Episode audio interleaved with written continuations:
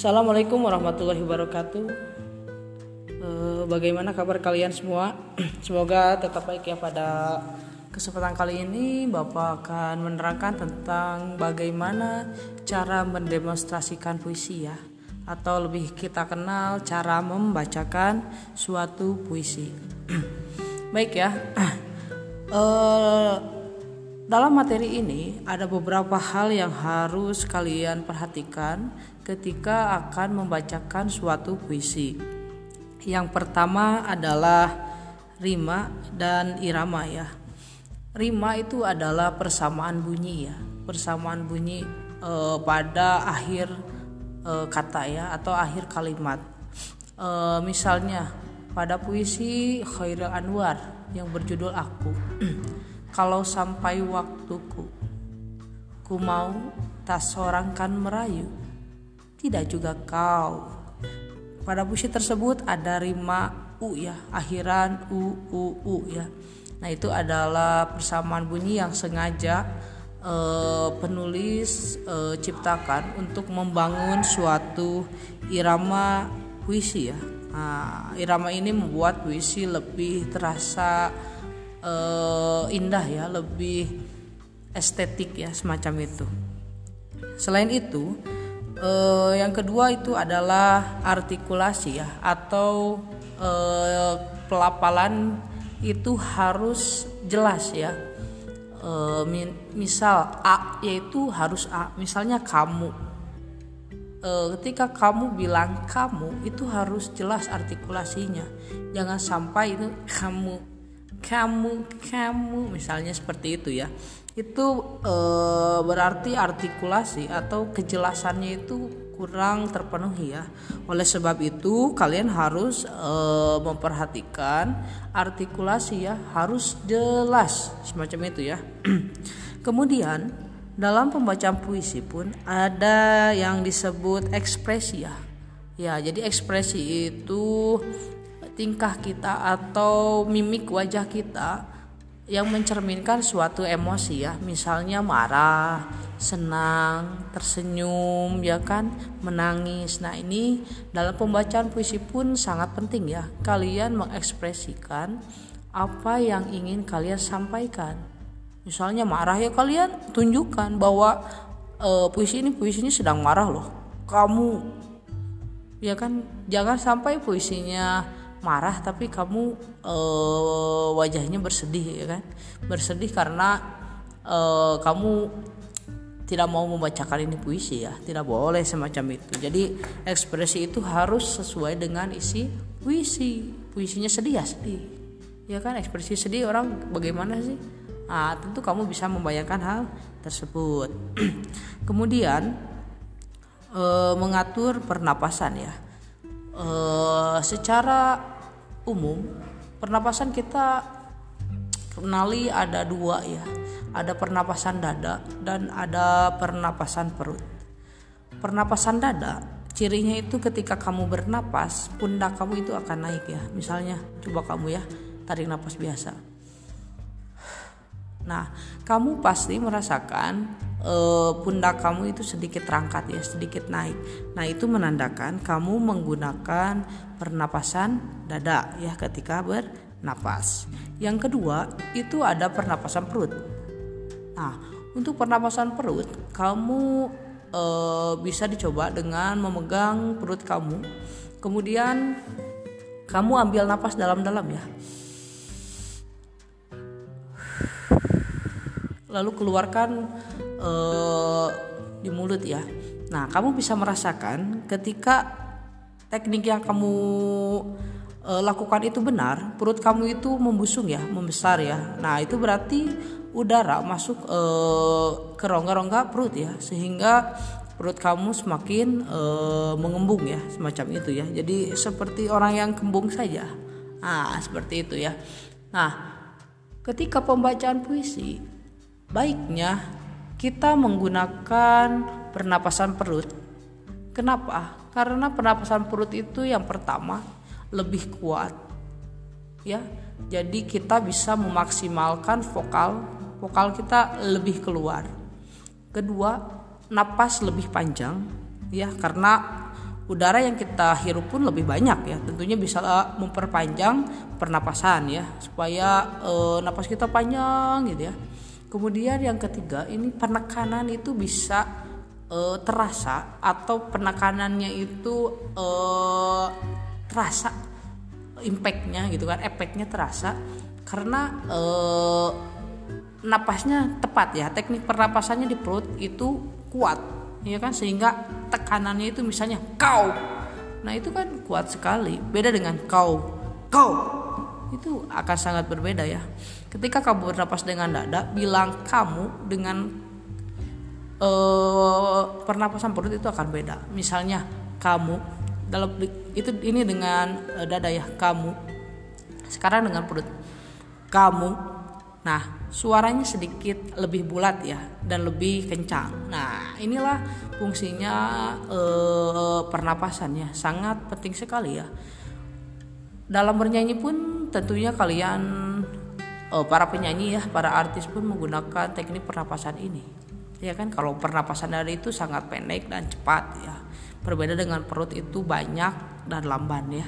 Tetapi eh, lebih panjang ya. Seperti itu ya. Kemudian yang selanjutnya itu adalah sikap ya. Ketika kamu membacakan suatu puisi, kamu tidak perlu panik ya, terlihat gugup, panik, gelisah, tidak percaya diri. Santai saja. Ketika membacakan puisi kamu bisa meresapinya ya. Jadi eh, dalam arti kamu eh, merasakan eh, perasaan yang ada pada puisi tersebut misalnya sedih ya kamu merasakan oh ini e, puisinya sedih nih misal e, gerimis jatuh kau dengar suara di pintu. Bayang-bayang angin berdiri di depanmu. Nah semacam itu kan. Itu kan sendu ya? E, sedang bersedih. Emosi di dalam puisi itu bersedih ya. Perasaannya itu bersedih. Sehingga pembacaannya pun seperti itu. Ya kan? Bayangkan kalau misalnya puisi yang kemarin ya doa oh, Tuhanku dalam termangu aku masih menyebut namamu bayangkan ketika kamu berdoa ini kamu marah-marah kalau sampai waktuku oh mohon maaf Tuhanku dalam termangu, aku masih menyebut namamu. Ya kan? Itu akan berbeda ya. Perasaan yang disampaikan ketika Anda membaca puisi doa yang puasa puisi doa itu lirih ya, terkesan lebih kepada lirih ya. Ya kan? Ketika kamu berdoa kepada Sang Pencipta, tentu kamu memelankan suara kamu, ya kan? Nah, kalau kamu membaca puisi doa lalu kamu dengan lantang dengan marah-marah nah ini kan tidak logis. Ya kan? Perasaannya ini di mana gitu kan? Ya kan? Harusnya sedih kok malah marah. Nah ini ya. Jadi eh, ada hal yang harus diperhatikan juga itu makna ya. Kamu memahami isi puisi tersebut sehingga kamu tidak salah dalam bersikap dan berekspresi. Seperti itu ya. Nah ini harus uh, kalian perhatikan sekali ya. Kemudian vokal ya. Uh, vokal dalam puisi ini harus jelas ya. Harus stabil jangan sampai turun-turun sekali tinggi sekali turun lagi nah itu kan tidak stabil ya vokalnya nah jadi seperti halnya bernyanyi ya kamu kalau nyanyi kan na na na na na na na na kan harus enak ya ada nadanya tidak bisa na na na na na na na na na na na na nah ikan itu kan hal yang sangat rancu sekali ya ketika kamu mengeluarkan vokal kamu ya. Nah ini vokal perlu diperhatikan juga ya harus stabil dan konsisten. Kemudian intonasi ya, intonasi itu naik turunnya suara ya. Nah naik turunnya suara ini maksudnya penekanannya. Kau. Kau. Kau ya kan? Misalnya tanda tanya ya. Tanda tanya itu intonasinya turun. Jadi uh, ini milik kamu ya kan? Kalau tanda berita atau tanda titik ini milik kamu. Lurus ya intonasinya. Kalau tanda seru ini naik. Ini milik kamu. Nah itu kan intonasi ya. Ini berbeda sekali ya. Ketika kamu dalam suatu uh, kalimat teks ya itu kan tidak ada di sana intonasi yang bisa uh, kita jadikan penambahan arti ya. Nah ini kepandaian dari seorang pembaca puisi untuk menyampaikan arti itu dengan intonasinya ya. Ini mil ini milikmu. Ya kan? Misalnya seperti itu. Itu kan tanya. Itu kan jelas ya. Itu tanda seru. Kalau bertanya nah seperti itu ya. Jadi ketika membaca puisi harus jelas. Kalau sampai waktuku kau bertanya jika waktuku habis misalnya kan seperti itu. Kalau sampai waktuku kalau sampai waktuku kan marah bisa. Itu tergantung penafsiran kamu. Jika kamu menafsirkan bahwa itu adalah tanda seru boleh kamu naik. Jika sampai waktuku. Tapi jika itu tanda tanya bertanya kepada diri sendiri bisa kan? Bertanya kepada orang lain. Jika sampai kalau sampai waktuku. Nah itu kan berbeda sekali ya. Maknanya pun dalam uh, lisan itu jadi berbeda ya ketika intonasinya naik atau turun. Ini tolong diperhatikan ya. Kemudian ada satu lagi tambahan yaitu pemenggalan kata ya. Nah, misalnya pada suatu konteks kalimat ya, kucing makan, tikus mati. Kucing makan tikus mati. Kucing makan tikus mati ya kan? Nah ini kan kalimatnya itu sama. Kucing makan tikus mati. Tetapi maknanya bisa beda. Yang pertama kucing makan tikus mati. Berarti ini ada dua perasa berbeda. Kucing makan ya tikus mati. Ya kan? Tidak ada korelasi sama sekali. Nah ini kan ada jeda di tengah. Kucing makan tikus mati. Kemudian kalimat yang kedua kucing makan tikus mati. Siapa yang mati kucing Kenapa? Karena makan tikus. Nah, itu cara pemenggalannya. Kemudian yang terakhir, kucing makan tikus mati. Ya kan? Kucing makan tikus mati itu berarti kucing makan tikus yang sudah mati. Nah, gitu ya. Jadi dalam teks lisan atau pembacaan suatu kalimat ini ada intonasi-intonasi, ada pemenggalan-pemenggalan yang memperjelas maknanya seperti apa. Nah, seperti itu ya. Kalau marah kan orang terlihat ya kan? Nah, ini bisa dilihat itu dari intonasi dan pemenggalan kata yang dilakukan. Seperti itu ya. E, misalnya kita e, contohkan ya, Bapak contohkan e, pembacaan puisi karya Khairil Anwar nih. Judulnya Penerimaan. Kalau e, mohon maaf, hmm, penerimaan. Hoiril Anwar. Kalau kau mau aku terima kau kembali dengan sepenuh hati. Aku masih tetap sendiri. Ku tahu kau bukan yang dulu lagi. Bak kembang sari telah terbagi. Jangan tunduk tentang aku dengan berani. Kalau kau mau aku terima kembali dengan sepenuh hati. Tapi sedang dengan cermin aku dengan berbagi. Nah, seperti itu ya. Nah, ini kan e, dari judul penerimaan ya. Jadi penerimaan itu menerima ya. Di sana diceritakan tokohnya si aku. Ini menerima kembali ya. Kalau kau ingin aku terima kau kembali dengan sepenuh hati. Ini kan? Jadi ceritanya ini bisa kita tafsirkan bahwa si aku itu menerima kekasihnya kembali ya karena dia pun masih sendiri. Ku tahu kau bukan yang dulu lagi? Iya kan? Si aku tahu si kau itu uh, bukan yang seperti dulu ya sudah berubah. Iya kan? Karena waktu karena apa pun ya kan? Bak kembang sari telah terbagi. Kembang sari. Tahu ya kembang? Kembang itu bunga ya. Di sana ada sari ya? Ada sari ada putih dan sebagainya. Bak kembang sari telah terbagi ya kan kembang sari telah terbagi. Berarti itu e, mengartikan bahwa e, bunga itu sudah tidak utuh ya sudah tidak baik lah. Ya karena ini kan multi tafsir sekali. Kita bisa menafsirkan bahwa eh, kembang ya kan benang sari tidak utuh lagi itu berarti ini sudah katakanlah secara fisik misalnya cacat ya. Pernah kecelakaan lalu cacat tapi sih aku bisa tetap menerima. Atau secara kehormatannya sudah dicacadi tapi sih aku masih tetap bisa menerima. Ya kan?